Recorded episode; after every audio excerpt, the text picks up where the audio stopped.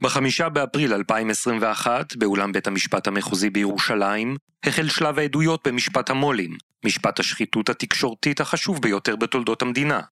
מאז ממשיכות העדויות במשפט לחשוף כיצד ברוני העיתונות הישראלים מספסרים בעיתונאים, בהיסטוריה ובציבור כדי לצבור עוד כסף ועוד כוח. זהו סיפורם. זהו הסיפור שלנו.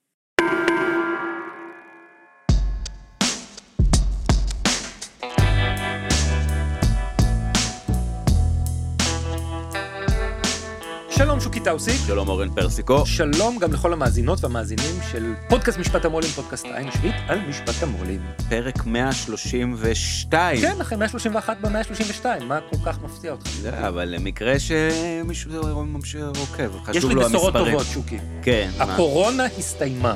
וואלה, כן, המגפה אתה הייתי חולה לא מזמן. לא הסתיימה, איך אני יודע? אה, כולם חולה, איך אתה אומר לי שהמגפה הסתיימה? אני לא מכיר מישהו שהוא לא... שנפל עם שפעת. עד היום, נו. כשהיה מגיע לבית המשפט המחוזי בירושלים ארנון מוזס, הוא היה חובש את המסכה נגד הקורונה על נגד הפנים. הצלמים. נגד הצלמים, בדיוק. כן. והשבוע, אהה. בפעם הראשונה, הוא הוריד את המסכה. וואלה. כן? אז זהו, אפשר לצאת החוצה, רגע, להיפגש זה- עם סבתא. אז מה זה אומר? שהוא אה, הסכין עם ה- עם החשיפה הציבורית זה היה כל כך מגוחך, אף אחד כבר לא הולך עם מסכות, אתה יודע, אלא אם כן, באמת, יש לך איזה בעיה במערכת החיסונית. אז, זה- אז הוא פשוט, כנראה, יש לו איזשהו, לא יודע, סלף ריספקט מינימלי. נראה לי שהוא הבין שכבר אף אחד לא מתעניין בזה, אה, במילא. כן, לא באים צלמים. אף אחד, כן, אף אחד לא מצלם. נכון, רגע אצל בסוכנות אה. צילום שלנו כבר לא... כל פעם שאני מרים את המצלמה הוא בורח. הוא. כל פעם, כל פעם. אבל. מה, הוא עשה השבוע בבית משפט? כי אה, סוף העיד? סוף... הוא אה, העיד? הוא לא העיד, לא. הוא לא העיד. נוני מוזס לא העיד. הוא הוא יעיד. הוא יעיד? הוא יעיד. כן. יופי. אבל גם ביבי יעיד. ביבי גם יעיד? כן, תיק 2000. השבוע הוא העיד? לא. השבוע מי שהעיד זה לא נוני. כן. ולא ביבי, אבל, כן. אבל, מי שהעיד זה אחד המקפים שבאופן נדיר מכיר ומקורב אה, לשניהם.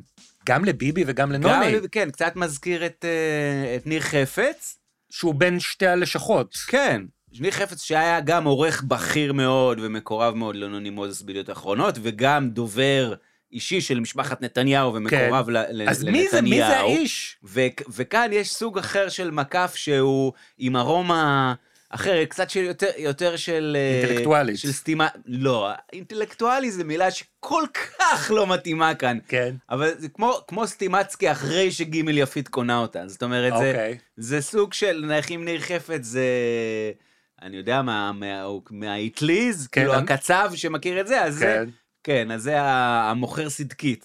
שהוא כאילו, אתה יודע, אתה צריך מדי פעם, נניח מספריים קטנים לציפורניים. הבנתי. הכל- העיקר שאנחנו נשארים בשטייטל. כן, זה, זה לגמרי שטייטל, אני מדבר על דובי אייכנוולד. אייכנוולד? אייכנוולד, לא איכנולד, אגב. כתוב איכנולד. כתוב איכנולד, אבל קוראים את זה אייכנוולד. אה, זאת אומרת, אומרת, זה שהתחכמות כזאת. יוד אחת ווו מה? אחת? כן. ככה הוא מקפיד? הוא, הוא האדם של כתיב חסר. אה, הוא האדם. אדם של כתיב חסר, והוא העיד ושל השבוע. מציאות מדומה. כן. והוא העיד השבוע עדות מרתקת, שבאמת חושפת אותנו, ל- ל- זה ממש ניתוח מוח לאליטה הישראלית הלא משרתת. נשמע זה- מרתק. אוקיי. בוא זה- נשמע. זהו? בסדר כן, כבר? בוא- מכרתי? בוא ניכנס. טוב, קניתי. יאללה. טוב, יאללה. עורכת הדין תפת מויאל רוטשילד מפרקליטות מיסוי וכלכלה חוקרת את דובי אייכנוולד, מנכ"ל ידיעות ספרים. בוקר טוב, אה, דוב, דובי, תראה, דו- דובי, כן. שלום, שלום דובי, ספר על עצמך בבקשה, במה אתה עוסק? שמי דובי אייכנוולד, נשוי לטלי אשתי, שהיא נמצאת כאן איתי, טלי אייכנוולד. אה, צער עולמי כעולם הספרים, אני, אני אוהב להגיד על עצמי, מגיל צעיר אני בעולם הספרים, גם בבית אבא, כל חיי אני בספרים, אה, זה עיסוקי וזו אהבתי. באיזה אופן אתה עוסק בספרים? היום אני מנכ"ל ועורך של אה, הוצאת הספרים של ידיעות אחרונות, משנת 1994. כיצד נוצר הקשר שלך לידיעות אחרונות? לא, הקשר התחיל עוד כעשור אה, קודם, תמיד הייתי ב- בתחום הספרים, היינו בשותפות בחברה המשפחתית שאבא שלי הקים, יחד עם ידיעות אחרונות כבר בשנת 80 אה, התחיל להיווצר קשר עסקי, ובשנת 94 נוני מוזס, המנכ"ל והבעלים של ידיעות, ידיעות אחרונות, הוא קרא לי ומינה אותי לעורך ומנכ"ל הוצאת הספרים של הוצאת ידיעות אחרונות. מה טיב הקשר בינך לבין מר נוני מוזס? קשרי עבודה של קרוב ל-30 שנה, מן הסתם קשר של הערכה גדול מאוד מבחינתי. אנחנו מתראים בעבודה, יש תקופות יותר, יש תקופות פחות, אבל אנחנו מתראים, אני מדווח לו. עד כמה אתם מתראים מחוץ לעבודה? קשרי חברות, אם בכלל? לא, אני לא הייתי מגדיר אה, קשרי חברות, זה לא... היינו... אה, באתי לאירועים אצלו בבית, לא, לא הרבה, אני זוכר אה, בר מצווה, הוא היה אצלי בחתונות. יש בינינו קשר, קשרי אמון, קשרי עבודה. אנחנו לא יוצאים לבלות ביחד, לא יצאנו לטיולים ביחד, לא, לא ראינו סרט ביחד במתכונת זוגית. מה לגבי הזוג נתניהו, יש לך היכרות גם איתם? כן, גם עם הזוג נתניהו יש לי היכרות אה, עקב עבודתי. כבר מתחילת עבודתי, זה בשנת 95. אתה יכול לפרט כיצד נוצרה ההיכרות? אה, כשמוניתי להיות אה, מנכ"ל ההוצאה בידיעות אחרונות, אז הספר מקום תחת השמש יצא. והוא רצה לפגוש אותי, נתניהו. זה, זה הספר שביבי הוציא באנגלית וידיעות אה, תרגמו והוצאנו, ורצה לפגוש אותי פשוט, פגישת היכרות. אה, הוא בא עם שרה וישבנו, הייתה פגישה. אני זוכר שהוא הביא לי את הספר שלו, עד היום יש לי אותו בבית, ונוצרו קשרי עבודה שבהמשכם אני הוצאתי לו, או הוצאנו לו אחרי זה את הספר אה, מלחמה וטרור, והוצאתי ספרים לאבא של שרה, שמואל בן ארצי, ספר מצוין, אחרי זה אדם ויוצרו, אה, והוצאתי ספר לאח של ביבי, לעידו נתניהו, הייתי עסוק הרבה מאוד גם עם, עם בן ציון נתניהו, אביו של ביבי נתניהו, הרבה מאוד שעות הייתי ברחוב הפורצים שם, היה לו מחקר גדול מאוד שהוא כתב בספרדית, ספר עבה מאוד שעלה הרבה מאוד כסף לתרגם אותו ולכן אני נמנעתי מלהיכנס לפרויקט הזה, אבל הוצאתי לו ספר אחר על אה, חמשת אבות הציונות ומאוד רציתי את הביוגרפיה שלו והרבה מאוד שעות ישבתי אצלו בבית, שמעתי וכתבתי. היא יצאה בסוף הביוגרפיה? לא, כי הוא נפטר. עידו עובד על זה עכשיו ורוצה להוציא אותה. ולגבי מר נתניהו, מה טיב הקשר ביניכם? בסופו של דבר הקשר הוא, הוא, הוא קשר מקצועי, אבל, אבל הקשר הזה גורם לקשר של אמון והערכה, אני, אני מניח, ב, בוודאי מהצד שלי, זה, זה קשר של הרבה מאוד שנים, אה, כשאדם כותב ספר הוא, הוא שם את אה, פיסת ליבו, ואני נחשף לזה, ויש קשרים. עם כולם אני יכול להגיד, זה יכול להיות עם אולמרט, עם בנט, עם שופטים, עם כולם יש לי קשרים, ואני מקווה שקשרי אמון. שמת לב, אה, מה? אורן, כן. שאיש אה, הספרים, אה, דובי כן. אייכנוולד, כן. כשהוא מציג את עצמו. כן, איש הספר. איך, איך הוא מציג את עצמו? אני, דובי אייכנוולד, נשוי לטלי אשתי אייכנוולד. לא, נכון, קודם כל כל היפה על הזוגיות הנפלאה, אבל איך הוא אומר, צר עולמי כן. כעולם הספרים. זה כל מה שמעניין אותו. לא, צר עולמי... ספרות. הרי מה זה צר עולמי כעולם נמלה? מה זה? מה הביטוי? מה הביטוי? בא להגיד על, על מה זה, זה ביטוי, אה, כש, כשמו כן הוא, על צרות אופקים. Oh. צרות מוחין. מה זה צר עולמי כעולם נמלה? אני לא, זה במילים אחרות, אני לא קוראתי ספר בחיים. צר עולמי! אני, כל מה שמעניין אותי זה אני, זה ה... מה זה הנמלה? לקחת את הקובייה, את הגרגיר חיטה, אני מעביר אותו מנקודה A לנקודה B, הבנתי. אני בן אדם, זה, זה המטריאליזם ב, ב, בהתגלמותו. הולך לביבי, שומע ממנו, הולך, הולך לאולמרט, הולך כן. לבנט, כן. הולך לשופטים. צר עולמי כעולם הספרים. עכשיו, זה הדבר המדהים, שדובי אייכנוולד, שאנחנו מכיר אותו יותר טוב, כן. זה בן אדם, זה עולם הספר. זה מנכ"ל הוצאת הספרים, שהייתה, ב, אני חושב, השנייה בגודלה באיזשהו שלב. גם היום היא בין ההוצאות הגדולות. בוודאי בכל מה שקשור לספרי עיון וביוגרפיה של אה, פוליטיקאים, כן, זה המקום להוציא. במיוחד גם, כן, גם הכל קשור ל, ל, לס- לספרות זולה, מה שנקרא. כן. אמ, ידיעות אחרונות, הוצאת הספרים של ידיעות אחרונות היא מאוד דומה לידיעות אחרונות, במובן הזה שזה אה, באמת ממוקם בין השירותים לסלון. אני אגיד לך איך נבית נגב תיארה את זה, העורכת כן. דין של נוני מוזס. היא ודובי אייכנבולד תיארו את ידיעות אחרונות באמת כתמונת מראה או תמונת העתק של ההוצאה של ידיעות ספרים, במובן הזה שזה לא ימין ושמאל, זה פתוח לכולם, ונותנים את כל הדעות ומגוון וזה סופרמרקט. כן, חנות מכולת. כן, הוא ח... בסדר. וזה, ו... ודובי אייכנוולד, הוא, בהם, זה, הוא, זה, זה דמות החנווני, אה, שבאמת, אתה יודע, הוא גם, על זה שהוא עומד מאחורי הדוכן, כן, וכולם באים, תגיד, מישהו לא בא למישהו, אתם כולם באים לקרוא, מישהו לא צריך גבינה, כולם חמאה, צריכים. חלב, ביצים, כן, לחם, כן. אה, לא יודע מה, אולי דברים אחרים גם, יותר עסיסיים.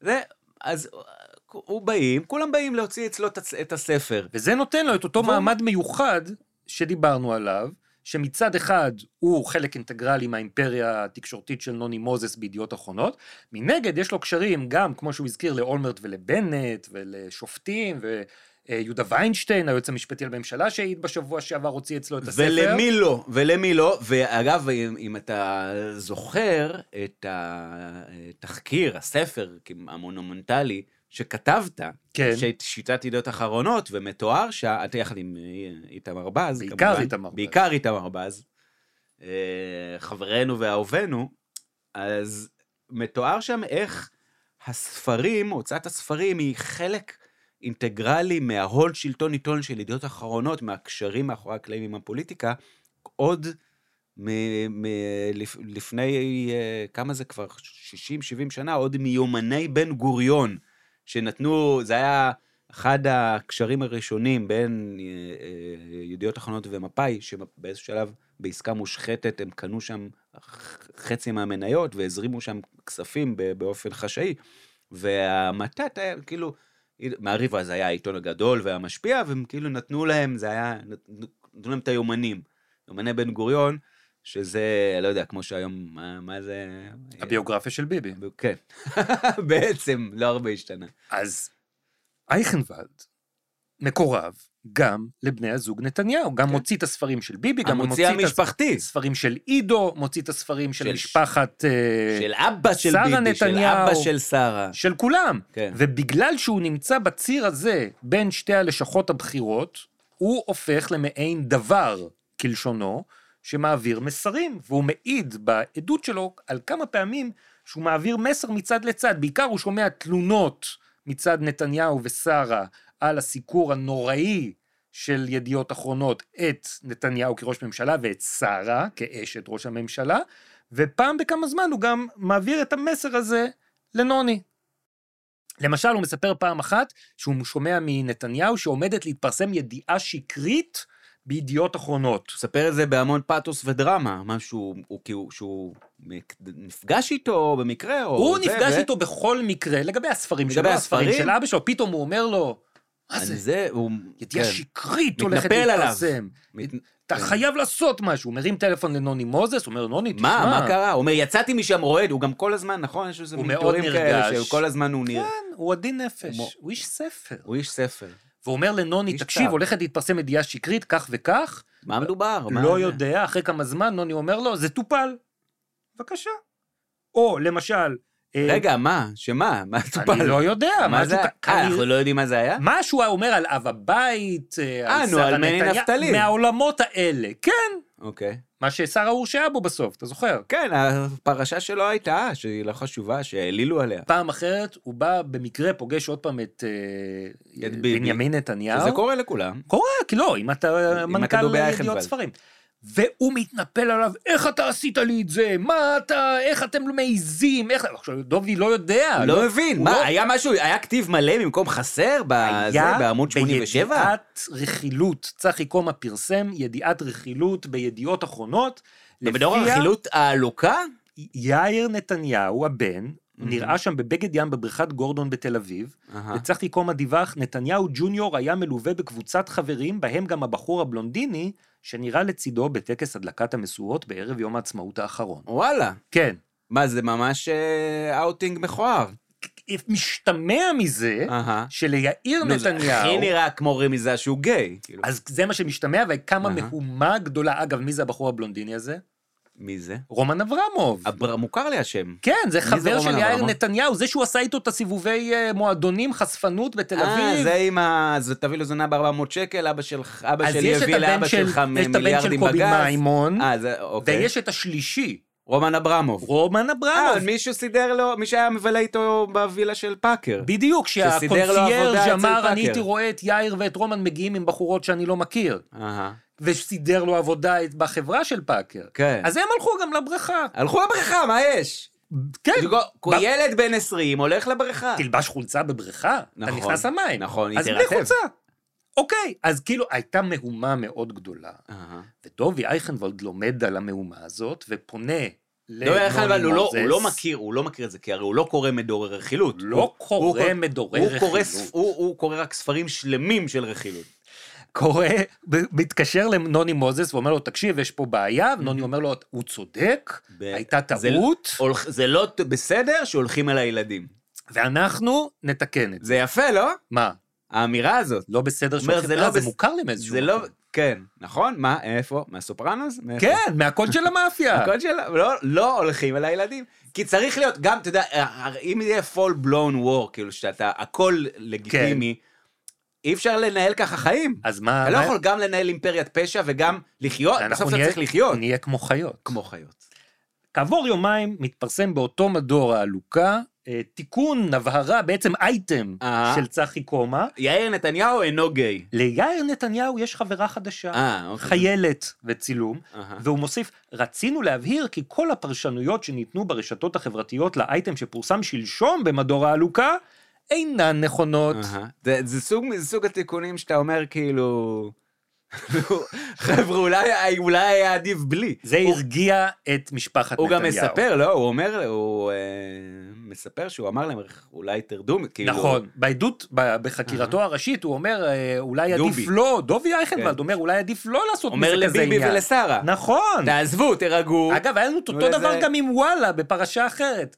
אבל שאותו סיפור שישוע אומר, מה הם רוצים עכשיו לעשות מזה זה עניין? רק ינפח את זה עוד יותר. בדיוק. עכשיו, איך לא מנפחים משהו?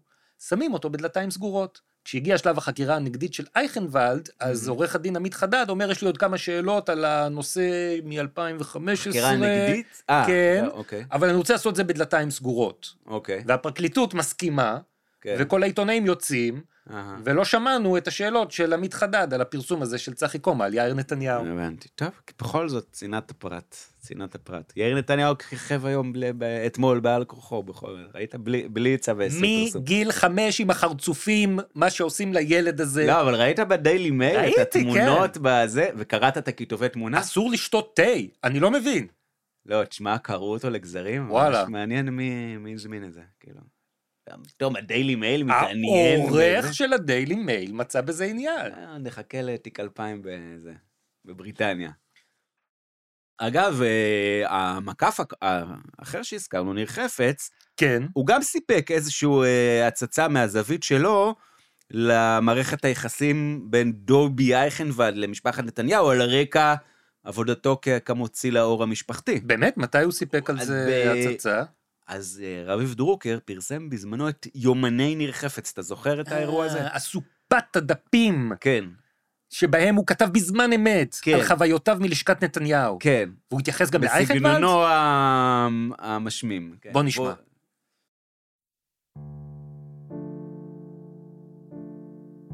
יו, יומני היקר.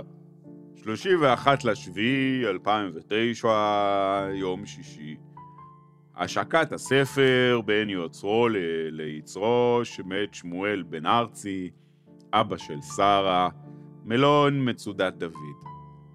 הגברת התקשרה אליי אה, והיא אמרה שצריך אה, לדחוף את הספר כי אחרת לא יקנו אותו. היא ביקשה שאני אפנה לאייכנוולד ואני אבקש ממנו אה, לפרסם הודעות בעיתונים, ושאני אדבר עם סיון רהב לגבי אה, כתבה.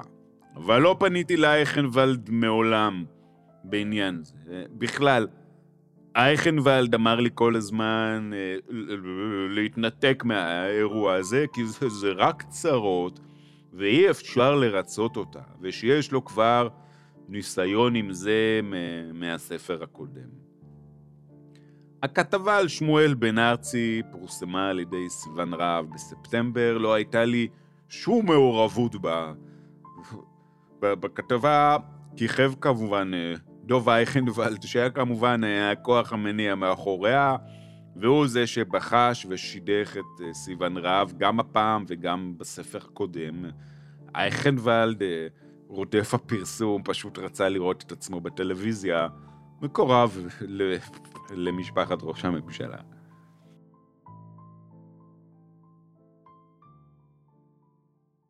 בעיקרון אני לא מאמין מילה ממה שאומר ניר חפץ, אבל זה שאייכנוולד הוא רודף פרסום, זה אפשר לראות פשוט בגיליונות ידיעות אחרונות. בכל פעם שיוצא איזשהו ספר עם פרופיל חצי גבוה של פוליטיקאי, יש עסקים ויש ערב השקה, תמיד תהיה ידיעה עם הצילום של הסופר ואייכנוולד. כן, כי, כי בכל זאת, זה בשביל לקדם, זה הכל הוא מתנדב בשביל לקדם את ההוצאה. זה לא... אבל זה תמיד, תמיד, אה, אתה יודע, כשאתה קורא, אתה קורא משהו שכתב ניר חפץ. כן, אתה צריך להתקלח אחרי כאילו, זה. כן, לא, באמת, אתה רואה איך הוא מצליח, יש באמת איזו קומבינציה, היתוך יוצא דופן של מצד אחד חנופה והתרפסות כלפי כל שביב של כוח, כן. מצד שני בוז, רמיסה. ושנאה תהומית של, של, של, של אותם האנשים שהוא מתחפש ומתחנף אליהם. זה באמת, באמת בן אדם שאיך איך, איך הוא לא בוקע מתוך אורו ומתהפך על עצמו, זה לא... מה שאנחנו כן לומדים מהתרשומת הזו ביומן של ניר חפץ, זה שהמצב בין אייכנוולד לשרה הוא לא אידילי כפי שהוא תיאר בחקירה הראשית. זאת אומרת, כן, הוא מוציא ספרים, אבל למשל הוא ממליץ לחפץ להתנתק לגמרי מהאירוע, כי זה רק צרות, תפיסה מטורפת. אי אפשר לרצות אותה, כן. ובוא, שמור מרחק. אבל זה אופייני אגב לכל המקורבים אליהם, הם כל, כולם מספרים את אותם סיפורים. גם נוני מוזס סיפר סיפור על יחס מיוחד שהוא קיבל משרה נתניהו. משרה נתניהו? כן. החשוד נוני מוזס נחקר בלהב 433, ינואר 2017. אני, אני, אני אמחיש לך את היחס של המשפחה שלו ושל שרה על דברים, דברים שהיא אמרה אי שם ב-2013. אין בעיה, אנחנו נגיע לשם, נגיע לשם, לא, נוני. היא, היא, היא, היא קיללה אותי, מה? אמר, אמרה שעד שהוא, אני, כאילו, לא יראה אותנו בקבר, אה, הוא לא, מה? הוא לא יירגע, הוא לוקח לנו את כל הכסף. מה, איפה זה? ו- איפה- איפה ההתבטאות הזאת הייתה? יש הקלטה של זה? לא, אני ניזון מדובי, כן? היא, היא, מאוד כעסה עליי, למה, בעיקר אה, למה אח שלה מוציא את הספר, והיא לא יכולה להוציא את הספר, והיא הביעה את דעתה עליי. אתה הבנת מדובי אייכנוולד מה היא חושבת עליך? כן, כן, ש, שכל מה שאני רוצה זה להרוס אותם, ולקחת להם את הכסף, ואני לא אנוח עד שאני לא אראה אותם בקבר, ואם אה, אני אפיל אותם הם, הם יפילו אותי. ההיילייט היה שאני נאצי.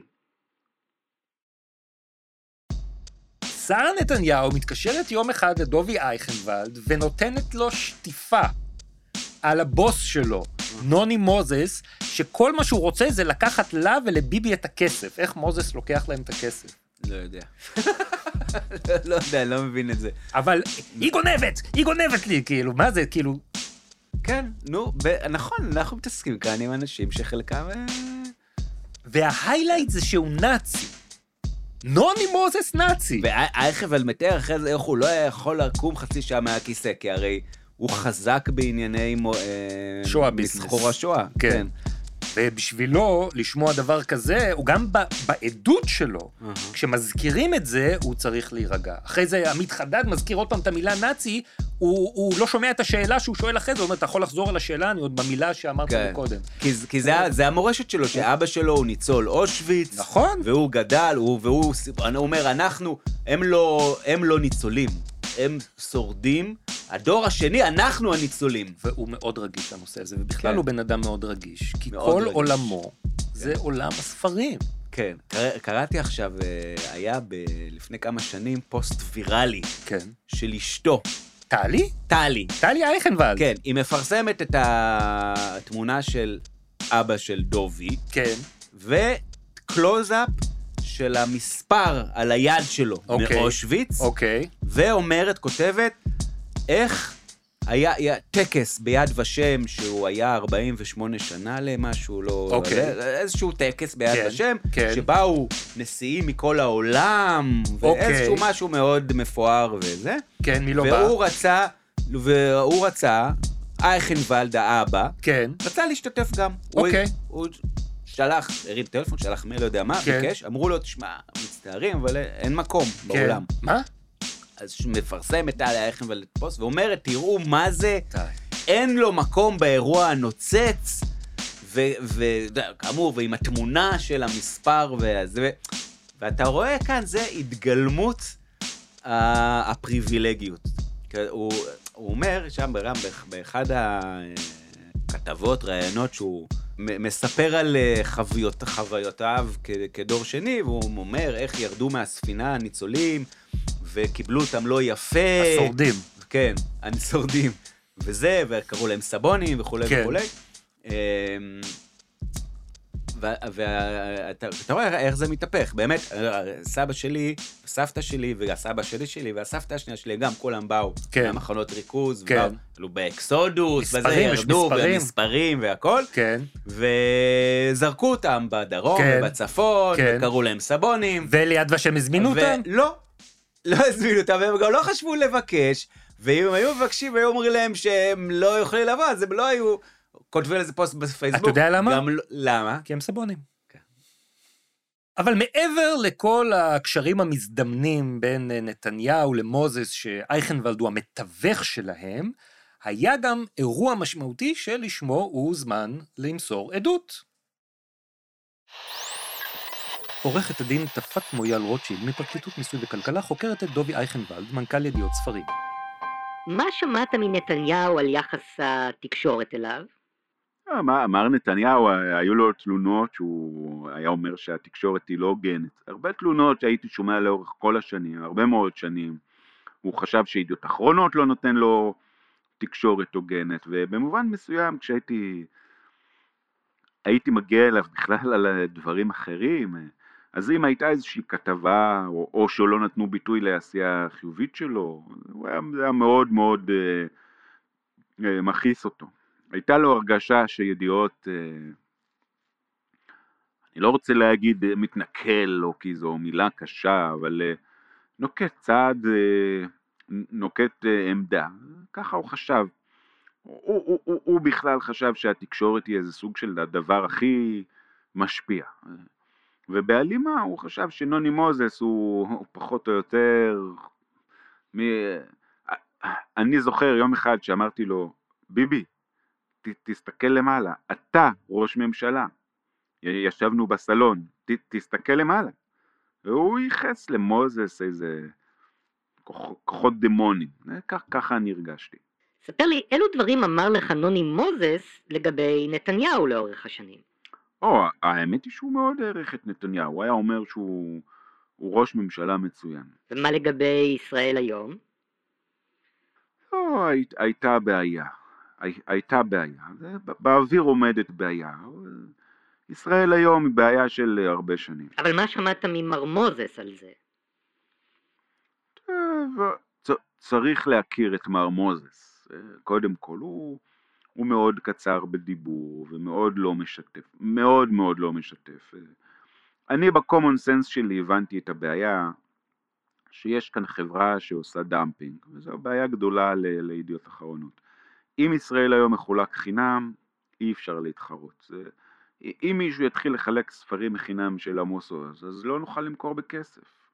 זה נראה לי טבעי והגיוני, וזו בעיה קשה מאוד. בחקירה במשטרה אמרת שנוני אמר לך שישראל היום הורס את העיתונות.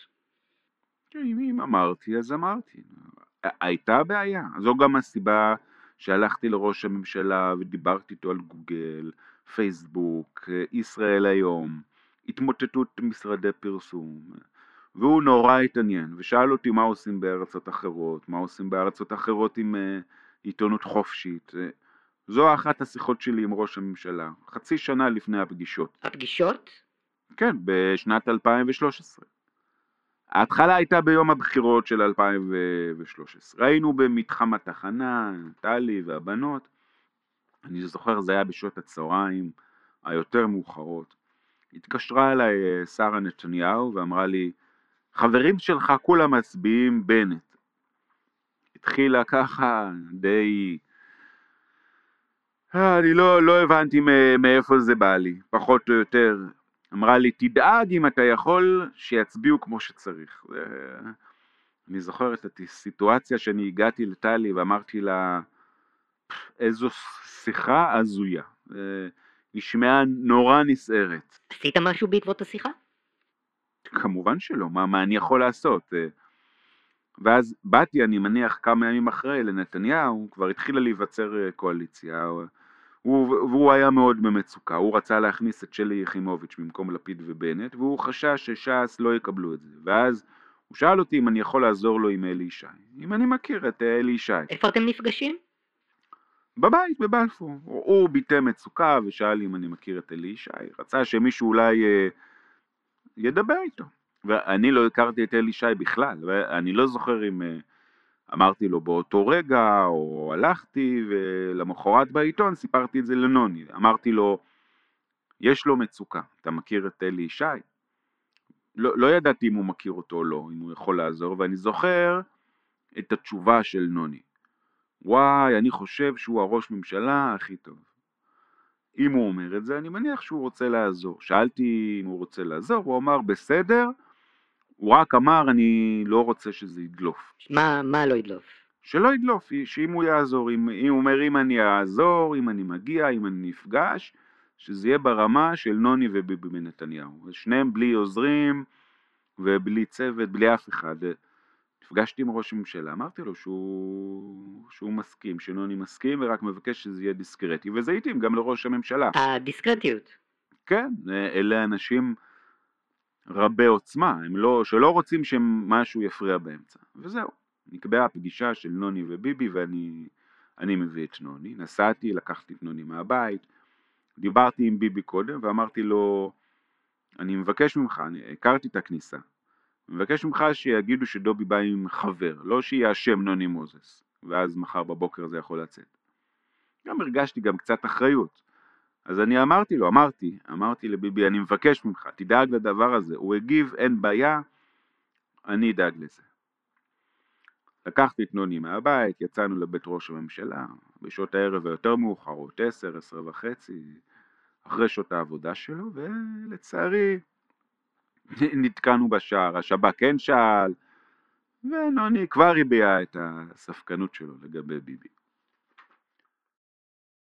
שוקי, עוד מעט נדבר על הספקנות של אה, נוני כלפי ביבי, אבל אני רוצה לחזור שנייה לקטע שאייכנוולד מאוד מודאג ממצב העיתונות החופשית בישראל, כי יש את גוגל ופייסבוק שלוקחים את כל הכסף, ובנוסף גם את ישראל היום.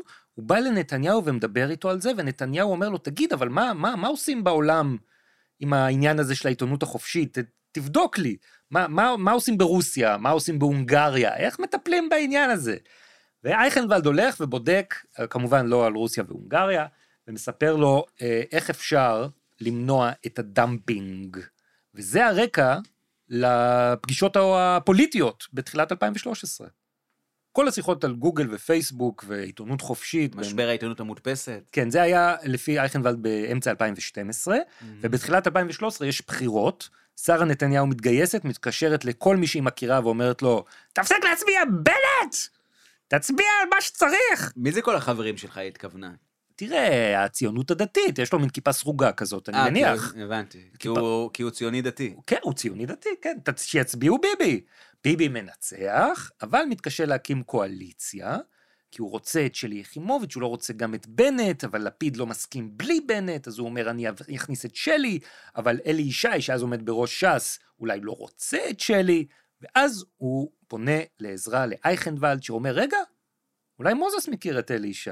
אני אשאל אותו. גם, זה, זה קטע, כאילו, יושב ביבי עם אה, דובי, לא יודע מה, ללרלר על הביוגרפיה של בן ציון נתניהו, כן. או whatever, מה איזה שירותים הוא צריך ממנו. או, או, אתה, מכיר אותו, אה, מכיר אולי את אלי ישי? מאיפה אתה? אה, אתה ישראל? אתה מכיר אולי את אלי ישי? כן, אלי, אלי, מכיר את אלי? אה, לא, אבל, רגע, אה, אולי נוני מכיר. חבר של חבר. אולי נוני מכיר. כן. למה, ש... למה שביבי יחשוב שדובי מכיר את אלי ישי? אולי אלי ישי יוציא ספר שדוב- ב... נכון, ולמה שדובי יחשוב שנוני אולי מכיר את אלי ישי? זה אולי נוני כתב, לא, אין לו קשר ל... לא- בגלל שהם כן. כולם, כי זה שלושה אנשים שכל הזמן שוחים בתוך עולם של תככים ואינטריגות בצמרות של מדינת ישראל. אז, אז אתה מכיר, זה כמו שנניח, אם אני צריך טלפון של איזשהו עיתונאי, כן, אז אני אומר לך, אורן, יש לך אולי וזה, אז אני מסתכל, כן. כן, זה, פעם, זה, היית צריך לבקש ממנו תגובה, דיברת, פה, שם, זה, אתה מכיר. או למשל, אם אני, אה, אתה יודע, רוצה לאמץ חתול. כן, אז אני מכיר, אז יש לי ידידה שהיא כאילו... אוהבת ב- חתולים. כן, היא בענייני החיות. ואם אתה צריך לבחוש פוליטית... ואם אני צריך לעשות איזה שירקס, לגנוב סוסים, לעשות איזושהי איזו שחיתות קטנה, למנות מקורב, כן, להקים קואליציה, דובי, ולפתוח נוני, מלחמה אזורית. כן, אז יש כאילו... שואלת אותו עורכת הדין תפת אה, מויאל רוטשילד, אם אה, מעבר לעניין הקואליציוני הייתה עוד איזה מטרה שבגללה הוא רצה ששני האנשים האלה ייפגשו וידברו. כן, אולי, אולי, זה לא, אולי זה לא רק הדבר הכל כך מופרך הזה, אולי היה כאן גם עוד איזה משהו. ומה הוא אומר? בדיעבד, כשנשאלתי, אני מאוד... אה, כש- זה, זה, שוב פעם, זה ראש ממשלה, שאני פוגש אותו די הרבה פעמים, והוא מתלונן על תקשורת לא הוגנת. עכשיו, יושב נוני מוזס, כן. ומתלונן על תחרות לא הוגנת. אה, הבנתי, שתי תלונות, כן, ואני חשבתי, שני כן, אנשים כן. כל כך אינטליגנטים, כן, ורבי עוצמה. כן, כן. אני מסביר לעצמי היום, שאני הרגשתי שזה נכון, לטובת עם ישראל, וואה. באמת, בצורה הכי בסיסית, כן. שתהיה תקשורת בין אישית הוגנת. דברו, פשוט דברו! אה. הוא ראה אותו בתור דמון. ביבי את נ- נוני. כן, הוא ראה אותו כאחראי על אלפיים עובדים, ומש... ושהוא משמיד לו את העסק. נוני את ביבי. כן. דברו, פשוט דברו, זה הכל. חשבתי שהכל זה מאוד, בדיעבד, בפגישה, הוא ביקש דבר קונקרטי. אז מה, מה היה בפגישה?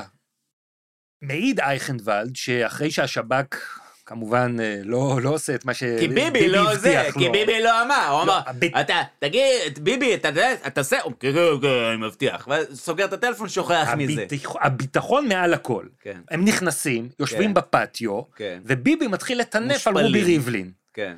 מה זה, הוא בגד בי, הוא לא משרת אותי, אני לא אעשה ממנו כלום, אני לא אתן לו תפקיד. מטנף, מטנף, מטנף, ואז אומר לאייכנוולד, דובי, תשאיר אותנו שנייה לבד. דובי אומר שהוא קצת הופתע, אבל הלך כאילו לסלון, לקח ספר ממדף הספרים והתחיל לעיין. תן לי לנחש. ביוגרפיה של צ'רצ'יל. נכון, לא, הוא לא אמר של מי, אבל ביוגרפי, כן, מניח שזה של צ'רצ'יל. אה, אחרי 20 דקות, חצי שעה, 40 דקות, יוצאים ביבי ונוני מהפטיו, פותחים את הדלת, ואייכנוולד בא אליהם, שם יד סביב ביבי. הוא איש גבוה. כן. הוא איש גבוה. יד. סביב נוני, ואומר, מחבק אותם, ואומר, וואי, הנה, דיברתם. הנה, התחלה של עידן חדש. אז על מה הם דיברו? מה אומר דובי? דובי לא היה, הוא לא יודע על? מה... דובי או דובי, דובי? דובי, הוא. לא יודע על מה הם דיברו, אבל הוא יודע, הוא מעיד שבדרך חזרה מהפגישה הזאת, וגם מעוד פגישה אחת מאוד דומה באותה מתכונת שאירעה כמה ימים אחר כך, הוא שמע מנוני מוזס שהוא מאוד ספקן ביחס לביבי, ושואלים אותו במשטרה ביחס למה בדיוק, והוא אומר לגבי ישראל היום, לגבי הנושא. כאילו זה היה הנושא שהם דיברו עליו.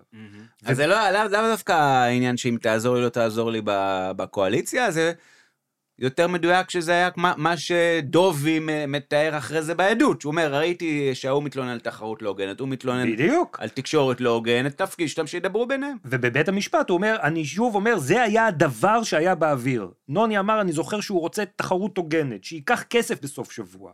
האם זה היה באותה שנייה או לא? אני כן זוכר את זה, שהפתרון שיקחו כסף, שלא יהיה דמפינג. ומה נתניהו רצה? אייכנוולד מעיד שבדרך חזרה, גם כן, מאותן פגישות, נוני אומר לו, מה, מה ביבי חושב? מה הוא חושב, שאני יכול לשנות כתבות? אני יכול להתערב לסימה קדמון, לנחום, לשיפר? איך הוא חושב בכלל שאני יכול להתערב בעיתון? אפשר להבין מכאן שעל זה דיבר איתו ביבי. שזה בדיוק על מה שהם דיברו שנה אחר כך, או שנה וחצי אחר כך, בסוף 2014, בשיחות תיק 2000. בשיחות המוקלטות של תיק 2000. בעסקת אני השוחד. אשנה כן. לך את הסיקור, אתה. תטפל לי ב- בישראל היום. אגב, במהלך העדויות ההגנה או התביעה, או שתיהם, או אף אחד מהם מתייחסים לרציונל שעומד בבסיס הבקשה של נוני מביבי, זאת אומרת על זה שביבי יש לו קשר בלתי אמצעי לישראל היום, ושזה פרויקט שבעצם נועד בשביל אה, לרומם אותה. זה פרויקט שנועד לרומם אותו, זה כמובן לא נאמר, אבל המ- המתחדד אמר כמובן שההנחה היא שלנתניהו יש קשר אל הג'ינג'י, כמו שהם כינו אותו אז. כן. למה, למה, למה אין לו בעיה ל... ל- להודות בזה? לא להכחיש את זה? מה, זה ידוע, נתניהו ושלדון הם אה, חברים ומקורבים. הוא היה מתקשר אליו, אני לא יודע אם אתה יודע, היה מתקשר אליו באופן קבוע, נתניהו לשלדון, כדי לדבר איתו על נושאים כמו אה, משפחה, חברים, כן. היה- היסטוריה, צבאית? לא, זה היסטוריה היה צבאית זה. עמוס רגב העורך של ישראל היום, כן? אוקיי, אז זה עוד סתם עוד דוגמה לפיסת מציאות מושחתת של ההגנה, אין בעיה להודות בה ואף להציף אותה, בש... כחלק מהמאמצים שלה, לנרמל את השחיתות, להגיד, לא, זה ראש כך- ממשלה, כך- ככה מו"ל, כך- זה מה ש- מדברים. זה מה שקורה. נכון. כן. וההגנה גם הציגה את אותן פגישות של 2013 אה, בצ- בצורה אחרת, היה לה את הזווית שלה. אה, כן. עורכת הדין נבית נגב, בעד כוחו של מו"ל ידיעות אחרונות ארנון נוני מוזס, חוקרת את דובי אייכנוולד, מנכ"ל ידיעות ספרים. ההיכרות שלך עם הבעיה שישראל היום יצר בתקשורת בישראל נובעת מהקשר שלך עם אנשי ידיעות אחרונות. אה, כן, כמובן שאני אני שמעתי מאנשי ידיעות אחרונות, כי, ישב לידי המשנה למנכ"ל, מר ינון אנגל, והוא היה עסוק אז בלחפש אה, פתרונות דרך האקדמיה, אני זוכר שהוא היה נפגש עם פרופסורים, ואתה לחפש פתרונות. אתה ראית בזה בעיה כללית, לא איזו בעיה פרטית של ידיעות אחרונות. לא, בעיה של התקשורת. אתה דיברת על הנזק הכלכלי והנזק לעיתונות הכתובה. נכון, אני חשבתי שזה נזק לדמוקרטיה, זה, זה מה שאמרתי לנתניהו. אתה יכול לפרט? כשאין עיתונות חופשית זה נזק לדמוקרטיה, אני האמנתי בזה, חשבתי את זה, הרגשתי את זה, אני, אני פשוט, אני זוכר שדיברתי מדם ליבי, אמרתי לו, תשמע, זה נזק. והוא ראש הממשלה, אני גם הרגשתי שהוא מבין, זה לא משהו שהוא מופרך, הוא התעניין, הוא שאל שאלות. עכשיו עוד מילה לפני הפגישה עם נתניהו. במעט שאתה מדבר עם נוני, אני רוצה לדבר על מה שנוני אמר לך בנושא החשיבות של תחרות בתקשורת.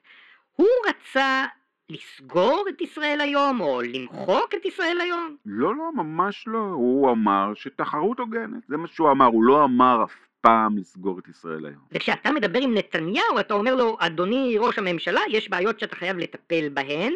אה, אתה ראית בו כמי שמצופה ממנו שיטפל בזה כראש ממשלה. כן, בבעיה הזו, שהיא בעיה כללית, ציבורית, של התקשורת החופשית והדמוקרטיה. כי אני חשבתי שהוא מבין מה שאני מדבר לעומק. אז מסביר דובי אייכנוולד, אחרי שהוא הסביר שהמטרה של הפגישה, שהוא בעצם הפגיש בין נתניהו למוזס, כמובן שאנחנו יודעים שזה לא נכון, נתניהו ומוזס היה להם קשר יפה מאוד גם בלעדיו. עוד אבל- מ-2009, עוד כן, מ-99, עוד וזה אומר- מ-96. אומר נוני מוזס עצמו בהקלטות עצמם. עשינו את זה. עשינו, זה, ניהלנו את האלמנט הזה ניהלנו, כבר. כן. ו... אבל, אבל כנראה אייכנוולד בכל זאת כן מייצר עוד אינטרוול, כן, אולי עוד יותר קרוב, כן. והוא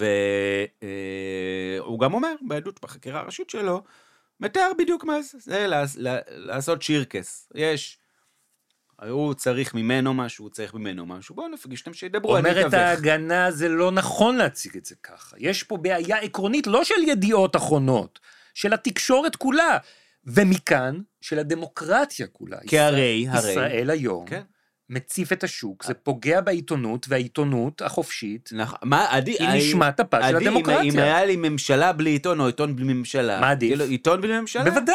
אבל, כן. שזה יהיה עיתון חופשי. חופשי. כן. וישראל היום מציף את השוק, וזה פוגע לא רק... בעיתונות. לא פוגע במונופול של העיתונות הכתובה, העיתון החזק בישראל, פוגע בעיתונות בכלל, בכל העיתונים. כן. כמובן שיש, אה, צריך אה, להבין, מה שאומר דובי אייכנוולד הוא לא מופרך, זה לא משהו שצומח כאילו מה, מה, מה, מה, מהאוויר. זה בישראל היום, באמת, פגע בעיתונות החופשית במדינת ישראל. טוב, בסדר. אלא שלא הייתה כאן עיתונות חופשית. נכון, כי היה פה ידיעות אחרונות שהיה מונופול מושחת, שהשתמש בעמדה שלו המונופוליסטית כדי לפגוע בעצמו בתחרות ההוגנת. מעבר לשחיתות הרגילה והמתמשכת והעקבית מאז הקמתו, עוד כשמוזס היה ילד, ונתניהו לא רואה בזה בעיה, הוא רואה בזה יתרון, הוא סוף סוף השיג עיתון משלו, אחרי שבקדנציה הראשונה הוא לא הצליח להתמודד מול נוני מוזס, סוף סוף יש לו את שלדון אדלסון שנותן עיתונות משלו. ומה זה נוני מוזס לא רוצה לסגור את ישראל היום? החלום שלו היה לסגור את ישראל היום, איך אפשר בכלל לטעון את זה שהוא לא רוצה לסגור, רק רוצה אה, תחרות הוגנת? זה מופרך, זה הזוי, אם להשתמש במילה קצת קשה. גם להגנה של אה, בנימין נתניהו, היה את הטייק שלה על השיחות בין נתניהו למוזס ב-2013 שיזם דובי אייכנוולד. עורך הדין עמית חדד, בא כוחו של ראש הממשלה בנימין נתניהו, חוקר את דובי אייכנוולד, מנכ"ל ידיעות ספרים. אמרת שראש הממשלה לא ביקש ממך לדבר על העניין של הקואליציה עם מוזס, אבל אתה חשבת שכדאי לבדוק אם אפשר לרתום אותו לעניין הזה. כן, נכון, אני ידעתי שנוני חושב שהוא אה, ראש ממשלה טוב. אמר, אתה אמרת הכי טוב. כן, נכון. נכון. נוני מוזס חושב שהאיש הזה על מגרעותיו הוא ראש הממשלה הכי טוב במדינת ישראל ולכן הוא רוצה לעזור לו. כן, נכון. כי כשעוסקים במולדת, כשעוסקים במדינה, שמים בצד את הדברים האישיים. והוא אומר לך, אם אני יכול לעזור, אני אעזור לו. נכון. לא מותנה, לא רוצה לקבל, לא כבוד ולא יקר ולא ישראל היום ולא כלום. כן, נכון. הוא אומר לך, יש לי תנאי אחד, שיהיה דיסקרטי. אני לא רוצה שאחר כך יתחילו לרנן עליי. נכון. הדיסקרטיות הזו אגב היא לא קשורה אם uh, מישהו חושב שזה קשור לזה שגונבים פה סוסים או עושים מעשה פלילי, זה שקר מוחלט. כן, נכון. הדיסקרטיות היא כי הוא אדם מאוד מאוד מאוד דיסקרטי בכל העניינים וגם כי זה לא טוב שאנשים יתחילו לדבר על זה שעזרת לראש הממשלה, לא עזרת, הוא היה מוכן לעזור עזרה לשם העזרה, תורה לשמה. נכון. זו יוזמה מוחלטת שלך, מתוך התפיסה שלך, שיש פה שני אנשים שאולי מתעבים אחד את השני, אבל אוהבים את המדינה אהבה אינסופית, ואני רוצה שהם ייפגשו. נכון. לא חשבת על ישראל היום, לא על שום דבר אחר, יש מדינה שאנחנו אוהבים עד אין סוף, ואם אפשר לעזור לה, אני רוצה לנסות, בעניין התחום הזה.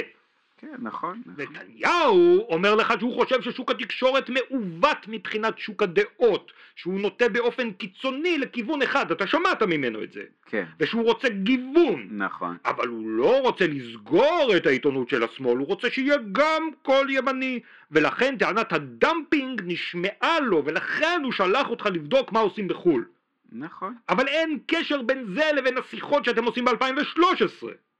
זה, זה היה חצי שנה לפני כן, אין, אין קשר. כי הפגישות האלה היו פגישות פוליטיות. שעזרה בהקמת אה, קואליציה. תאשר לי בבקשה שמאז ומעולם נוני לא אמר לך שהוא רקח עסקה עם בנימין נתניהו, אני אשפר את הסיקור שלך בידיעות אחרונות, בתמורה לזה שתעזור לי לפעול מול שדן אדלסון בישראל היום.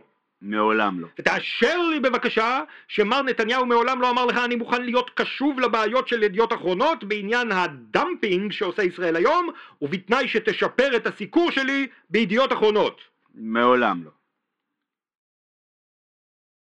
כן, כבוד השופטים, I rest my case. שאלתי את אייכנוולד אם נוני מוזס או בנימין נתניהו אי פעם התוודו בפניו על העסקה המושחתת שהם רקמו ביחד, והוא אמר שמעולם לא.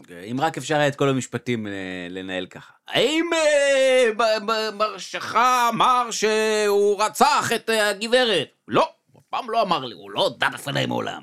אה, המשפט נגמר.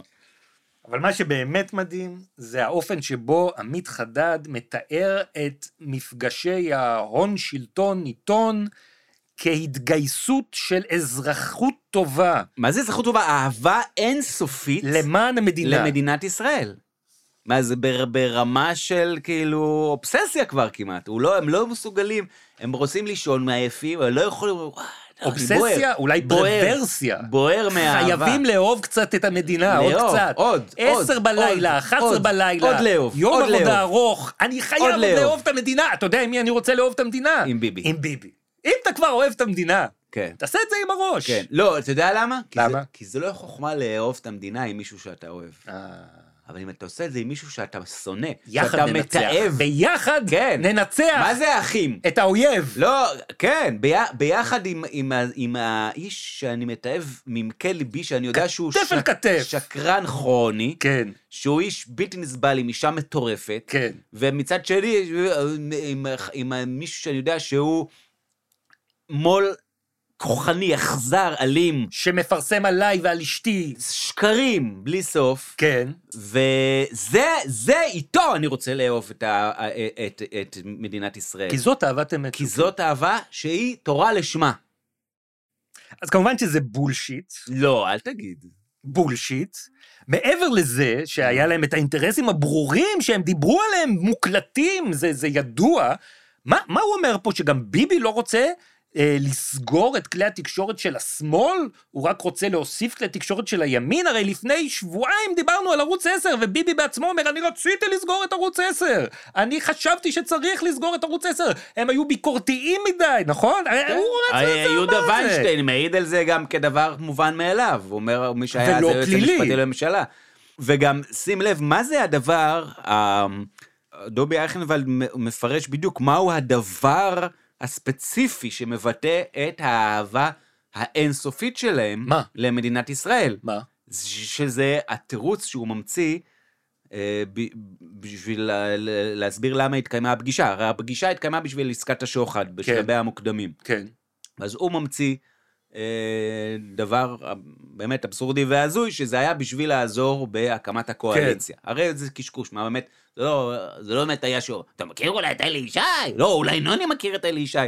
די ברור שזה, שזה שקר מש, מטופש, אבל, אבל מעבר לזה שזה, שזה אה, הזיה, הוא גם מוסיף על זה כשהוא מתאר את זה כאקט פטריוטי.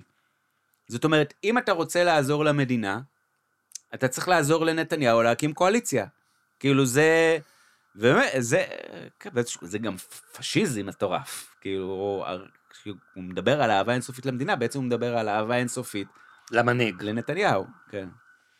האבסורד זה המשיך בעדותו של דובי אייכנוולד לא רק ביחס לנתניהו ולגישה שלו לתקשורת ולקשר בין נתניהו לנוני, כן. אלא גם להתנהלות של נוני עצמו בתוך הממלכה שלו. עורכת הדין נבית נגב, בעד כוחו של מו"ל ידיעות אחרונות ארנון נוני מוזס, חוקרת את דובי אייכנוולד, מנכ"ל ידיעות ספרים. אמרת שנתניהו ראה את נוני כדמון, אבל האם זה נכון שבהקשר הזה הייתה איזושהי תפיסה, אנ- אנחנו אומרים שזה לא נכון, אבל התפיסה הייתה שנוני הוא עומד בראש מערכת. כן, שהוא מכתיב תכנים. כן, מכתיב תכנים של תקשורת לא הוגנת, שזה נשמע לי מופרך. קודם כל חשבתי שהמחשבה של נתניהו על, אה, על ההשפעה על התקשורת אה, מופרכת, גם המחשבה שלו על נוני היא מופרכת. כי אתה מדבר כאן על מידת המעורבות, השליטה, ההכוונה של נוני את העיתון. נכון? אתה חשבת שזה לא נכון, מתוך ההיכרות שלך עם ידיעות אחרונות. כן, אני מכיר את המקום הזה הרבה מאוד שנים.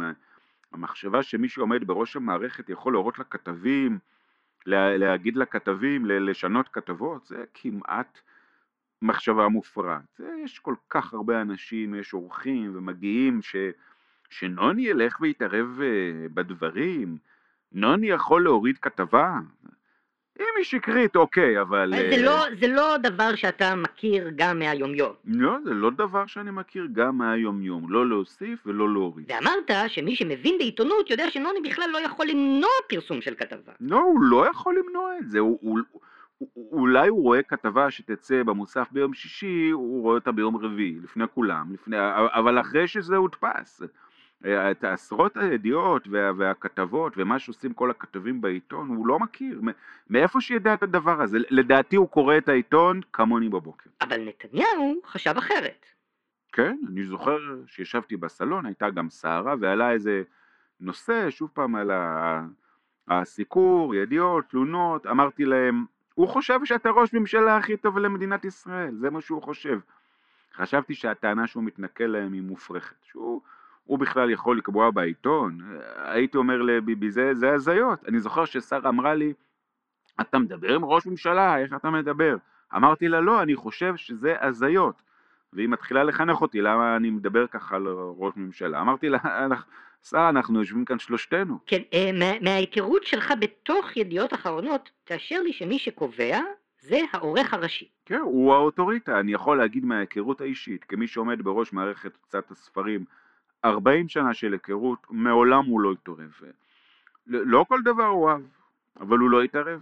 אריה דרעי, שהוצאתי את הספר שלו, והוא כותב בו נגד ידיעות אחרונות בספר, מוטי גילת כמעט רצה להביא אותי לבוררות. לא הייתה התערבות של נוני. היה דיון ביני לבין גילת וברנע, אבל, אה, אבל הספר יצא. למרות שידיעות אחרונות? כן, למרות ידיעות אחרונות, ושמוטי גילת ניהל איתו אז תחקירים עם דרעי, וחושב שמה שדרעי מפרסם בספר זה לא נכון. לכן זה היה נראה לי כל כך הזוי. שנוני מתערב, הוא מעולם לא התערב. זה מנותק לחלוטין מהמציאות. נכון. אז יש מציאות ויש מציאות, יש את המציאות שנבית נגב ודובי אייכנוולד משרטטים פה בבית המשפט, ויש עשרות עדויות של עיתונאים בכירים, עורכים, כתבים. הרבה יותר מעשרות לדעתי, אבל אוקיי. של התערבויות בוטות, גסות של מוזס בתכני העיתון. אני כן. מפנה את המאזינות והמאזינים לשיטת ידיעות אחרונות, הפרויקט המונומנטלי שלנו על uh, מוזס כן. וידיעות אחרונות. אגב, דפוס פעולה שמתחיל כבר משנות ה-30 של המאה הקודמת, עוד בתקופת סבו של נוני מוזס. נוני הוא הדור שלישי לעיתונות מושחתת, ובאמת הדבר הזה אה, מסורטט אצלנו במאות עמודים של עדויות. צריך המון תעוזה כדי לטעון שנוני מוזס כן. בכלל לא מעורב בידיעות אחרונות. כן. ולנבית נגב יש את התעוזה הזאת. כן. אני ו... מוריד בפניה את הכובע. ולדובי אייכנוולד, לדובי אייכנוולד, כן. אה, יש אה, את התעוזה הזאת, וגם הוא חייב שיהיה לו, כי הוא מקבל אה, משכורת. נכון, זה הבוס שלו. מזה, מזה הוא נהיה מן הסתם מיליונר. באחד הקטעים נבית נגב אומרת, אנחנו כל הזמן מזכירים שמוזס אומר, אני לא יכול להשפיע על נחום, מה, אני לא יכול להשפיע על סימה, שיהיה מי שיחשוב שהוא כן יכול להתערב אצל הכתבים הפחות בכירים.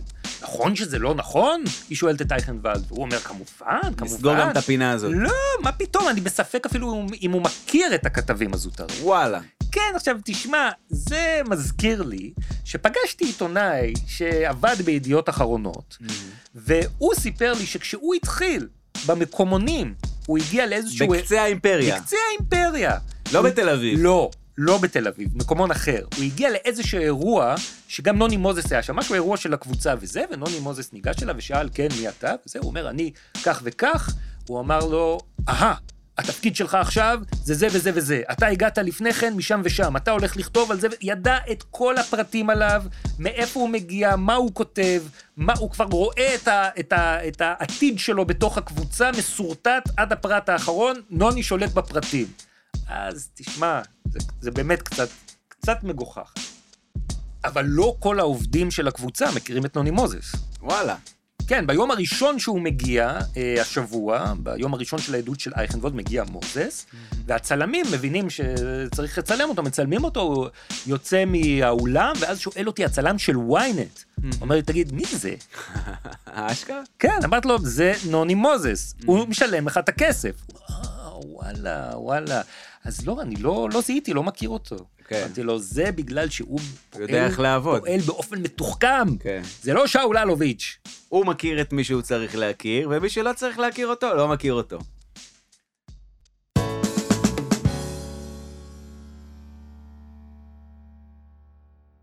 הטענה שמוזס לא מתערב בכלל בתכנים נסתרה על ידי כל כך הרבה עדויות וחשיפות. אחד הראשונים שטען להתערבות בוטה של מוזס בעיתון היה מוטי גילת.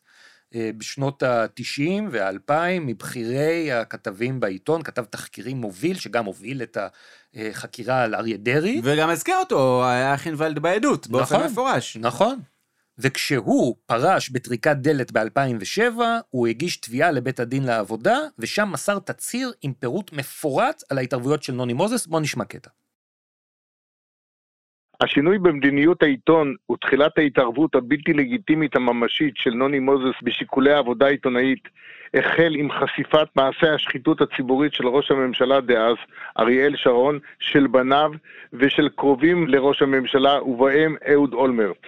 החל מחודש מרץ 2001, כשהחלו להתפרסם בעיתון החשיפות הראשונות של המעשים הבלתי חוקיים לכאורה שבוצעו במטה הבחירות של אריאל שרון ושל המעשים הבלתי כשרים שביצעו ראש הממשלה ושני בניו, החל המו"ל להפעיל לחצים ישירים נגד פרסומים אלה, שנעו החל מהצבת מכשולים וקשיים בדרך לפרסום ועד פסילתם המוחלטת לפרסום. גם כשחקירות מבקר המדינה הוכיחו את אמיתותם של התחקירים שפרסמנו, ואפילו כשאלה הפכו לחקירות משטרה ולכתבי אישום, לא רפא הלחץ נגד הפרסומים. אולי להפך. שוקי, מה שמענו עכשיו? את uh, התצהיר המעורר פלצות של uh, מוטי גילת מ-2007. כן, מוטי גילת, בכיר תחקירני ידיעות אחרונות, פורש חושף, מהעיתון חושף בטריקת. דלת, כן. ומגיש תביעה בבית הדין לעבודה עם תצהיר שמספר בהרחבה על כל ההתערבויות של נוני מוזס. רגע, תצהיר שאליו צורפו, אני מתקן אתכם, מוסיף לכם, אה, אה, תצהירים של גידי וייץ, של אודי רבינוביץ' ואחרים מהעיתון. שלום מוטי, שלום לכם, חברים. תודה שאתה מצטרף אלינו היום. ספר לנו, מה, על איזה התערבויות אתה מדבר? אנחנו עכשיו שמענו שנוני מוזס לא מעורב בכלל בעיתון. הוא בכלל לא יודע מי כותב שם. בזהירות המתבקשת אומר שמה שהעיד דוביק אה, אייכנוולד בבית המשפט המחוזי בירושלים לא, אה, איננו, איננה עדות אמת. בואו בזהירות המתבקשת. ספר לנו מה אתה יודע מהניסיון שלך. תראו, מהניסיון שלי, הסיפור הזה מתחיל כבר לקראת הכרעת הדין במשפטו של אה, אריה דרעי, ב-98. ככל שאני זוכר, מגיע אליי אה, אה, נוני מוזס אישית, ומנסה לשכנע אותי להסכים לראיין את אריה דרעי כמה חודשים לפני הכרעת הדין במשפטו, כשברור שהמשפט יסתיים ו- ועולה חשד כמובן שהוא יורשע. מה הוא מציע לי? הוא אומר לי, מוטי, בוא תראיין את אריה דרעי בשבעה ימים במוסף אה, של סוף השבוע, תקבל כמה עמודים שאתה רוצה, זה יהיה ראיון שכולם ידברו עליו, ראיון בלי תנאים מוקדמים של אריה דרעי, פתאום הוא מייצג את אריה דרעי בסיפור הזה. זה אחרי שאתה מפרסם תחקירים שמובילים לכתב האישום בסופו של דבר. זה שמונה שנים של כתיבה על פרשיות אריה דרעי והאנשים שלו, על שחיתויות, על מעשי המרמה, על חשדות לשוחד, על דירות שדרעי קנה ולא היה ברור מאיפה הכסף. אלף סיפורים, אלף ידיעות, אלף... זה, אגב, זה תחקיר שלי עם מלי קמפנר, וכאשר מיכל גרייבסקי מלווה את המשפט אה, שבועות וחודשים ואפילו שנים, מדווחת מדי שבוע על מה שקורה ועומדת בלחצים לא פשוטים. אמרתי לו, הרעיון הזה, אני מוכן לקיים אותו בתנאי אחד, שזה יקרה אחרי הכרעת הדין. היה ברור לי שדרעי רוצה לאותת לשופטים שידיעות אחרונות שחשף את פרשיותיו כבר בסולחה איתו, כבר במכנה, מצא מכנה משותף איתו, כבר משתתף איתו פעולה. זו הייתה המגמה להשפיע על בית המשפט, זה, זאת הייתה לפחות הערכה שלי. אמרתי לנוני מוזס, בשום פנים ואופן לא. חלף יום, עולה אליי לחדר עורך העיתון אילון שלו, כאילו לא יודע מה שקורה, כאילו לא שמע על השיחה בין נוני, אני מניח שנוני גם לא, ייתכן שלא סיפר לו את זה, ומציע לי את אותה הצעה שברור לי שהמקור שלה הוא נוני מוזס. בוא, תצא, תפרסם, תראיין את אריה דרעי, תקבל כמה עמודים שאתה רוצה, כל המדינה תדבר על הרעיון ביניכם.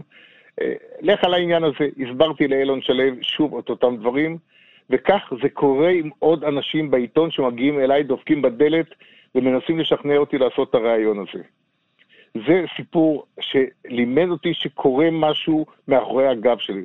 לאחר מכן קרה הסיפור שידיעות אחרונות פתאום, לפני הכרעת הדין, מחליט לפרסם ספר של אריה דרעי, ביוגרפיה שלו, שכתב אותו אחד הכתבים שהיה מנושא כליו, אחד כתב חצר שלו, וכמובן שמאחורי גבי, בלי לשתף אותי, בלי לדבר איתי על הנושא הזה, אה, ההוצאה של ידיעות אחרות עומדת לפרסם את הספר הזה, כמובן שכעסתי כשנודע לי הסיפור הזה, אמרתי מה שאמרתי, הדברים של אה, אייכנוולד בבית המשפט לא מדויקים, לא אני ולא, לא הייתה שום שיחה ביני לבין נחום ברנע לבינו על הנושא הזה. אני יודע שנחום ברנע משך בחוטים מאחורי הקלעים, אבל זה סיפור אחר.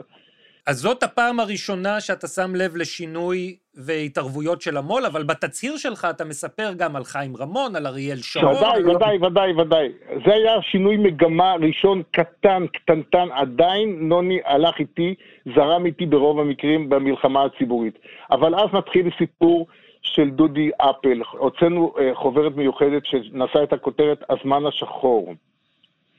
ושם היה, הייתה כתבת תחקיר שלי על דודי אפל, נוני מוזס התערב באופן בוטה, בוטה אישית, ואסר על רות יובל, עורכת המוסף, לפרסם קטעים גדולים מאותו תחקיר. שזה התחקיר בעצם על, שח... על שחיתות בליכוד, על מעורבות עבריינית על בליכוד. שחיתות שלטונית, אנחנו עסקנו, עסקנו בשחיתות שלטונית בסך הכל, במחנה המשותף. גם אני, גם גידי וייץ, גם אחרים. מאוד ברור. אחרי כן היה סיפור של חיים רמון. נוני מוזס בא אליי לחדר, לחץ עליי להיפגש עם פרקליטו של רמון בטענה שנעשה לרמון עוול גדול במשפט שלו, בכתב האישום, בסיפור הזה. אמרתי לו, תשמע, יש בית משפט, יושבים שלושה שופטים. מה אתה רוצה, שעכשיו באמצע המשפט אני אתערב, אכת- אכתוב נגד התביעה או בעד התביעה? לא מקובל עליי, לא אעשה את זה, זה לא יקרה. היו בינינו חילופי דברים מאוד מאוד קשים, אה, חשפתי אותם בחלקם הגדול, אני חושב, בתצהיר שהגשתי לבית המשפט, לבית הדין לעבודה, בתביעה שהגשתי נגד ידיעות אחרונות. נוני מוזס לא הגיש תצהיר נגדי, לא הכחיש את הדברים במובן הזה שהוא אישית חתום על תצהיר בשבועה לבית משפט, הוא לא העז לעשות את הדברים האלה. היו קטעים נוספים של התערבות של נוני מוזס, כמו בפרשת האי היווני, הוא לא אהב את התחקיר על האי היווני, הוא ניסה לגמד אותו, הוא ניסה להחליש אותו, הוא ניסה לא להבליט אותו, הוא ניסה הרבה דברים בנושא הזה. היה סיפור של אה, מאמר שפרסמתי על אריק שרון שלא העיד אמת בפני מבקר המדינה, זאת הייתה כותרת שרון לא העיד אמת. המאמר שהוביל לפיטורים של העורך מירון רפופורט, נכון? נכון, בגין אותה כותרת פיטרו בידיעות אחרונות את מרון רפופורט. למרות שגרמו לו עוול, ניסיתי למנוע את זה, לא הצלחתי, גרמו לו עוול גדול. אני נתתי את הכותרת ואני התעקשתי על הכותרת הזאת. והם חיפשו את השעיר לעזאזל ופיטרו את מירון רפופורט. אז מוטי, אתה מספר על אה, כמה וכמה מקרים, בתצהיר יש עוד פירוט הרבה יותר רב כמובן, ואנחנו שומעים את אייכנוולד אומר שמוזס אפילו לא יודע מה הולך להתפרסם, הוא קורא את העיתון בבוקר כמוהו. אתה חושב שהוא אה, תמים או שהוא מיתמם? הוא מיתמם, הוא ממש מיתמם. אבל מוטי, אומר אה, מוזס כל הזמן, מה, מה הם חושבים? שאני יכול להשפיע על נחום ברנע? שאני יכול להשפיע על סימה קדמון או על שמעון שיפר? הרי אני לא יכול להתערב אצלם. עם כל הכבוד, שניהם עיתונאים טובים, יש להם זכויות רבות, אבל שניהם לא עוסקים במלחמות שגורמות לפיטוריהם ולפתיחת חקירות ולהדחת אנשים. הם לא עוסקים בדברים האלה, ולכן אין שום סיבה שהוא יתערב. אין שום סיבה שהוא יקבל, שיהיה נתון ללחצים בעקבות הפרסומים שלהם. עם כל הכבוד, אין לזה שום קשר לעניין, למלחמה האיכותית האמיתית של ידיעות אחרונות בתקופה היפה שלו. הייתה תקופה של עשר שנים שנוני לא התערב, לפחות לא בנושאים שקשורים אליי. עשיתי מה שאני רוצה, כפוף כמובן לבדיקה משפטית של הדברים, של הכתבות. ולמרבה הצער, הגיעו ימים אחרים, שאז אה, חברו עליו חיים רמון, שמעון שבס, ואנשים נוספים מה, מה, מהמשפחה הזאת, במרכאות משפחה, שהשפיעו עליו לרעה, למרבה הצער. תגיד, איך דובי אייכנוולד משתלב בתוך ה... התשלובת הפוליטית, עסקית, תקשורתית, שהיא ידיעות אחרונות, שזה היום כבר פחות, אבל אז זה מפלצת מטורפת שמדפיסה מדפסת כסף. איפה אייכנוולד ממוקם בתוך, בתוך החצר הזאת? נניח, מיקי רוזנטל בזמנו, שהעורך אה, החדשות של העיתון, סיפר שאייכנוולד היה אחד השליחים של מוזס, שתמיד היה נזהר לו להעביר הוראות בצורה ישירה. אז איך... תשמע, אני, אני מוכרח לומר, לומר אה, לדייק, אליי הוא לא הגיע עם בקשה כזו או אחרת, אה, דוביק. אבל לטעון שהוא לא יודע שבידיעות אחרונות נוני מתערב, שזה הזוי כפי שהוא העיד, מה זה הקשקוש הזה? לא זז שום דבר עקרוני חשוב, לא זז לפחות מסוף שנות ה-90 לא זז בלי החלטה של נוני אישור שלו, דיבור איתו, שיחות איתו. מה, מה הסיפור המצחיק הזה? אני, ההחלטה שלי לפרוש מידיעות אחרונות ולהגיש את התביעה גם לה אחרי שעקפתי את נוני מוזס בדרך שפניתי לאחד מעורכי העיתונים, העיתונים החגיגיים בחגים, והוא עבד איתי, הוא הזמין ממני כל פעם כתבות תחקיר או כתבות כאלה ואחרות לחג. יום בהיר אחד אחרי שסיכמנו על שתי כתבות שאני מעביר אליו, מטלפן אליי אותו עורך ואומר לי, מוטי, אני מבטל את הזמנת הכתבות. אמרתי לו, מה קרה? הוא אומר, קיבלתי הנחיה מנוני מוזס לא להזמין ממך יותר כתבות. הרעיון היה לייבש אותי, להגיד, מוטי כבר עייף, מוטי כבר מותש, מוטי כבר לא מספק את הסחורה, מוטי כבר לא מה שהיה בעבר. זה היה הקו של נוני מוזס, כדי לגרום לכך שבסוף הוא יפטר אותי ולהגיד, עם פיצויים מוגדלים נניח, ולהגיד בתירוץ הזה, מוטי כבר לא מה שהיה בעבר. טוב, מוטי, תודה רבה שהצטרפת אלינו היום. תודה לכם. זה מה שקרה, אלה העובדות. היו הרבה יותר חמורות, אבל כרגע נסתפק בזאת. תודה רבה לך, מוטי. תודה רבה לכם. בסיום החקירה הנגדית של אייכנוולד על ידי אה, עורכת הדין אבית נגב, עורכת הדין אה, של מוזס, הוא פתאום פונה לשופטים ואומר, אני יכול להוסיף מילה? גם לפרקליטים וגם לבית המשפט. וואלה. כן. תמיד אבל אה, כשמבקשים דבר כזה, אז... השופטים אומרים לא, והסנגורים אומרים לא, והבן אדם משתתק והולך. אני זוכר, אודי הירש רצה להוסיף משהו. היו כמה עדים שרצו להעיר הערות, זה לא תוכנית כבקשתך, שוקי. אלא אם כן? דובי אייכנוולד. בכל זאת. בבקשה, אולי יום אחד... אה, מוצר עולמו, בטח יש לו משהו להגיד, משהו חשוב. מה הוא אומר? אני יכול להוסיף מילה, כן, גם לפרקליטים, גם לבית המשפט. תשמעו, אני, אני הייתי בעזה, כמו שאמרתי. בארבע בבוקר הצטרפתי לגדוד 930, אה, יצאנו להתקפה, עד הערב הייתי. ואני רוצה להגיד כאן לכולכם, יש על מי לסמוך. ואני אומר לך, זה מרחיב את הלב, מה, מה שקורה שם. לא, לא תמיד התקשורת מדווחת אה, אה, כמו שצריך. נחום ברנע ביום שישי פרסם, אני חושב שהוא טעה לחלוטין. אני אומר לכם, מה שראיתי שם באמת, יש על מי לסמוך. בזמן המונולוג המרגש, המאחד הזה של אה, אייכנוולד, השופטים מגיבים. המאח... המתקפה לתקשורת החופשית. המת... לא, כן. לא, לא, לא, לא, המתקפה על החמאס. לא, על נחום ברנע בחמאס? לא ידעתי. אה, אוקיי, כן. בסדר. הוא מתלונן על התקשורת, כן. והשופטת רבקה פרידמן פלדמן מחווה בידה כלפי נוני מוזס שיושב שם. וואלה. כאילו אומרת לו, תשמע, אתה מתלונן על מה שמתפרסם בעיתון של, של מוזס, וכשהוא מסיים את זה, mm-hmm. מסיים את המונולוג שלו על איך התקשורת לא מציגה את הדברים, ואנחנו יכולים להיות סמוכים ובטוחים, וזה מרחיב את הלב, פונה אליו השופט משה ברם ואומר לו, ספר לו, מה, מה אתה מספר למי? לנו? למוזס! אה. כי הוא המו"ל של העיתון. אז זה נשמע שהיומיים של עדות, שבהם הוא סיפר איך נוני מוזס לא משפיע, לא יודע בכלל, הוא לא, הוא לא יכול להשפיע על סימה, הוא לא יודע מי זאת בימה, הוא לא, הוא בכלל קורא את העיתון בבוקר עם הקפה, והוא לא שותה קפה אפילו. לא נשמע ש...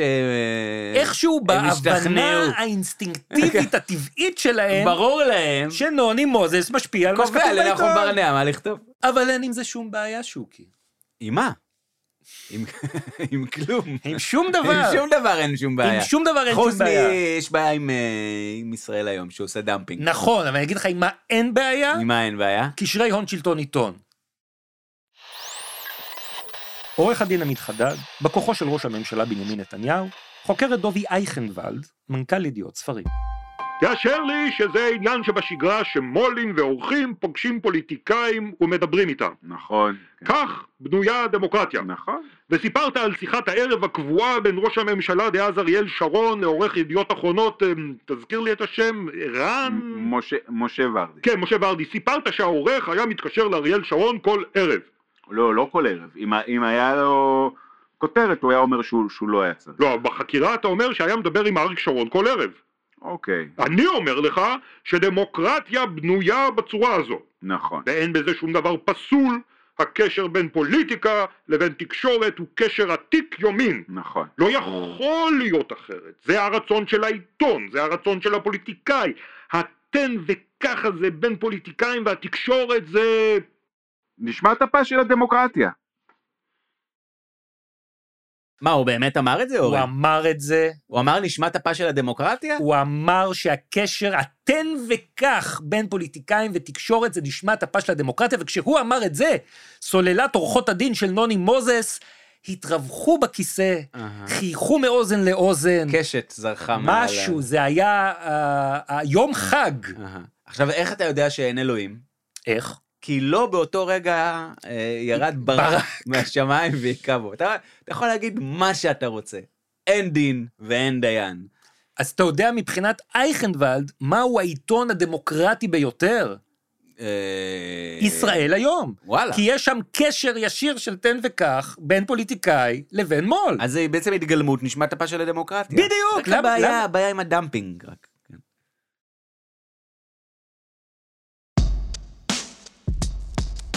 ועד כאן, פרק 132 פודקאסט משפט המו"לים. תודה לך, אורן. שוקי, מה? תודה רבה. אה, תודה. תודה גם לאוהד סטון על ההפקה והעריכה. תודה לכל המאזינות והמאזינים שמקשיבים לנו ומקשיבות לנו. אה, הערה חשובה, חלק מהשיחות או מהעדויות שהמחזנו כאן נערכו לצורך אה, בהירות. ובשבוע הבא, אולי יהיו שני עדים מוויינט, Mhm. אבל לא בטוח, יהיה על זה דיון, כי ההגנה דורשת להעיד גם את ערן טיפנברון. רק העורך את- של ynet. נכון? לשעבר. ולא רק את עורך דף הבית רן רימון והכתב אביטל להב, אנחנו אהה. ניכנס לזה בהרחבה, אני מניח, בשבוע הבא, אם הם אכן יעידו. אז ניפגש בשבוע אז- הבא! יאללה, מגניב.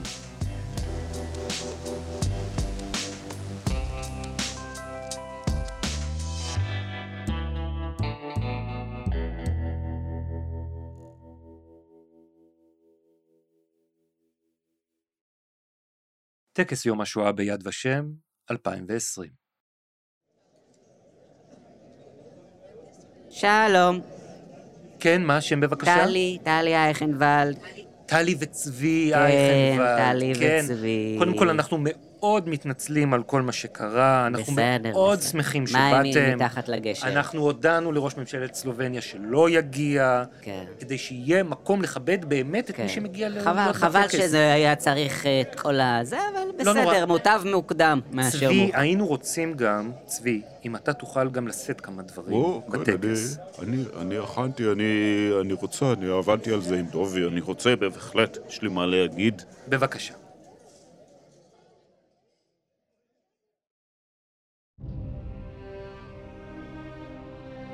אני צבי אייכנוולד, שהגעתי לכאן, שורד של אושוויץ, שורד של כל תלאות שעבר עם ישראל, ואנחנו הגענו לכאן לתפארת מדינת ישראל עם כל הסבל, עם מסע הדורות עלינו, עם, עם חלום אחד.